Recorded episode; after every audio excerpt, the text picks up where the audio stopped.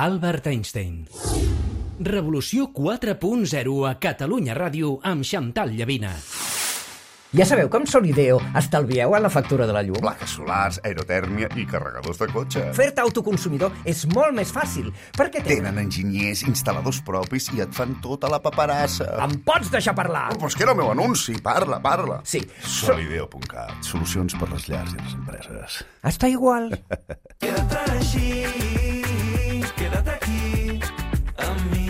Revolució 4.0. Ens trobareu dos dies, els dissabtes i els diumenges. Me gustas tú, me gustas tú, me gustas tú. Com serà la Catalunya del 2030?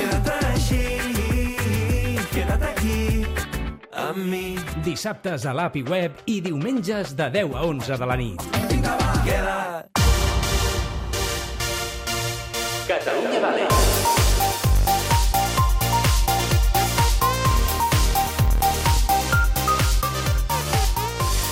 Ara fa uns moments parlàvem amb l'Ester Vera, la directora del diari Ara de periodisme, i una de les funcions del periodisme eh, doncs és, evidentment, estar pendents eh, de l'actualitat i explicar doncs, eh, coses que són útils.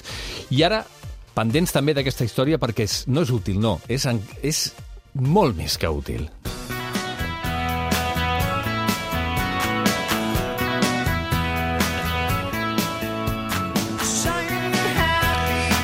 Saludem Carla Saldúa, que és CEO i cofundadora d'Accessible, una startup del sector mèdic que està desenvolupant una tecnologia que és capaç de detectar malalties a través de la veu.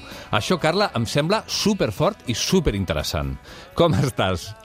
Hola, buenos días. Benvingut al, benvingut al Revolució. A veure, vull saber-ho tot, eh? No tenim gaire temps, però necessito saber tot sobre aquesta qüestió perquè em sembla al·lucinant. Com funciona aquesta tecnologia exactament? Bueno, nosotros en Accesible lo que hacemos es identificar biomarcadores del habla. Analizamos tanto qué dice una persona como cómo lo dice.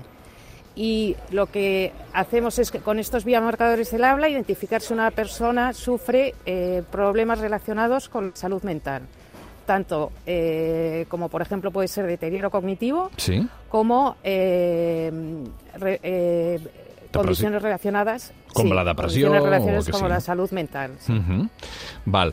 Per tant, uh, de moment, no sé si uh, les malalties estan sempre relacionades amb el tema de la salut mental, del deteriorament cognitiu, Alzheimer, coses d'aquest tipus? Sí, exactamente, neurológicas y también psiquiátricas.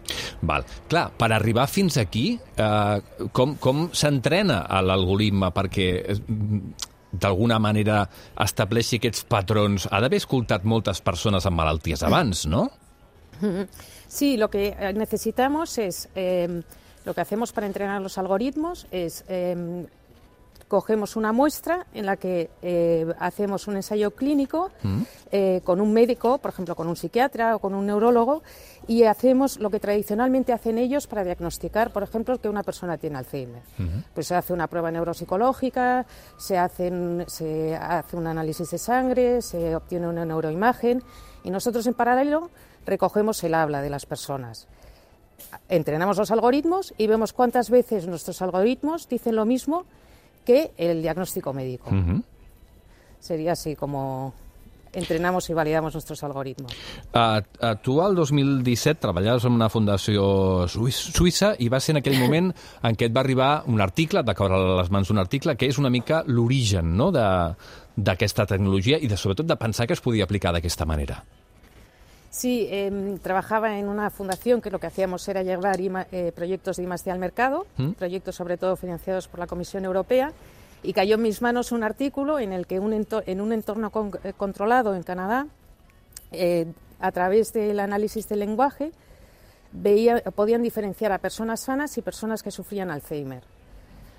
En, en- es todo esto en inglés. Y entonces puse en marcha un proyecto, un pequeño, una pequeña prueba piloto, me dieron una subvención, hice un, pe- un pequeño ensayo clínico y sacamos unos datos buenísimos. Y a raíz de ahí pusimos en marcha accesible. Ara mateix en, quin, en quina fase es troba accessible o accessible, segons com, quin idioma, en Ah, quin bueno. idioma ho diem? En- pues ahora mismo em, tenemos nuestros algoritmos para deterioro cognitivo leve y demencias en etapas tempranas validados, tanto en castellano como en inglés, y ahora estamos haciendo uno, eh, deterioro cognitivo leve para que estamos validando en catalán. Y eh, estamos, nos han dado una financiación fuerte desde el del CEDETI para acelerar el- la puesta en- el mercado de nuestros algoritmos para detección de depresión y ansiedad. Hemos hecho un par de rondas de inversión y ahora mismo tenemos pues bastante eh, tenemos todo el plan de inversión cubierto y ahora se trata de, de- de gastar el dinero bien. Eh, Estamos en un momento muy dulce. I tant. Veu, heu fet proves pilot? Heu fet alguna prova pilot? I, Sí. I, i com ha anat aquesta prova? Bueno, hemos hecho tanto pruebas piloto, o sea, nuestra herramienta puede servir eh, como herramienta de cribaje, es decir, detectar cuanto antes que una persona sufre una depresión, por ejemplo, o tiene una depresión leve, para eh, recibir un tra- tratamiento cuanto antes, como un sistema de alerta o apoyo al profesional sanitario, o puede servir también para un tratamiento, ver el impacto que tiene en eh, pues el estado emocional de una persona o eh, sí, el estado emocional de una persona. Entonces, aquí lo que hemos hecho es una serie de, de pruebas piloto como sistema de cribaje. Por ejemplo, alguien llega a atención primaria con una queja de memoria. Les hace nuestra, le hace nuestra prueba de deterioro cognitivo y si sale positivo se le deriva al neurólogo para una exploración en profundidad. Eh, con DKV hemos hecho una prueba automatizada por teléfono también para chequear las funciones cognitivas de, de las personas. Y luego eh, también en, en Barcelona estamos con la Fundación ACE, con un proyecto muy grande en el que estamos midiendo a 1.800 personas, eh, no solo para una detección y para el seguimiento del deterioro cognitivo leve y demencias, sino nuestro objetivo final ahí sería, teniendo una muestra longitudinal, ser capaces de predecir si una persona va a sufrir un, un Alzheimer en un futuro. Amb, amb tot el que això significa d'avantatges pel que fa a la prevenció. Algunes d'aquestes malalties, no, de moment encara en- la prevenció no té gaire paper, però amb altres sí, sobretot, per exemple, amb coses com la depressió o, mm. o, o malalties com l'ansietat també, que també poden ajudar molt a detectar-les eh, abans, abans que, que es desenvolupin del tot i que les coses siguin una mica més dramàtiques, no? Escolta, el, el, què diuen els metges sobre això? Vull dir, sobretot els psicòlegs i, i, els, i els neuròlegs que han de fer servir l'eina.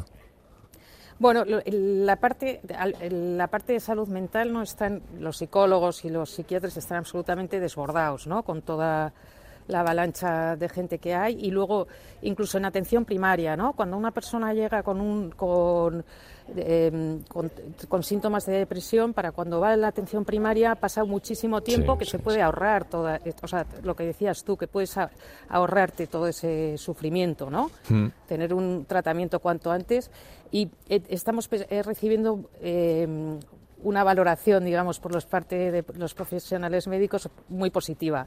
Un poco de incredulidad, ¿no? Al principio, Normal, con normal. 60, segunda de prue- 60 segundos del habla, tenemos una precisión de 90%. Wow. Pues, pero bueno, lu- luego, de la- a medida que le van utilizando la herramienta, pues se lo creen. Clar, clar, la que veuen que hi ha clar, que coincideix amb la seva opinió mèdica, doncs aleshores van... Clar, més, no és una eina única, evidentment, sense el professional No. a l'altra banda no tindria cap sentit, no? Uh, Déu-n'hi-do. Eh, em sembla super, super interessant, com deia al principi. Estem parlant amb la Carla Zaldúa, sou i cofundadora precisament d'Accessible.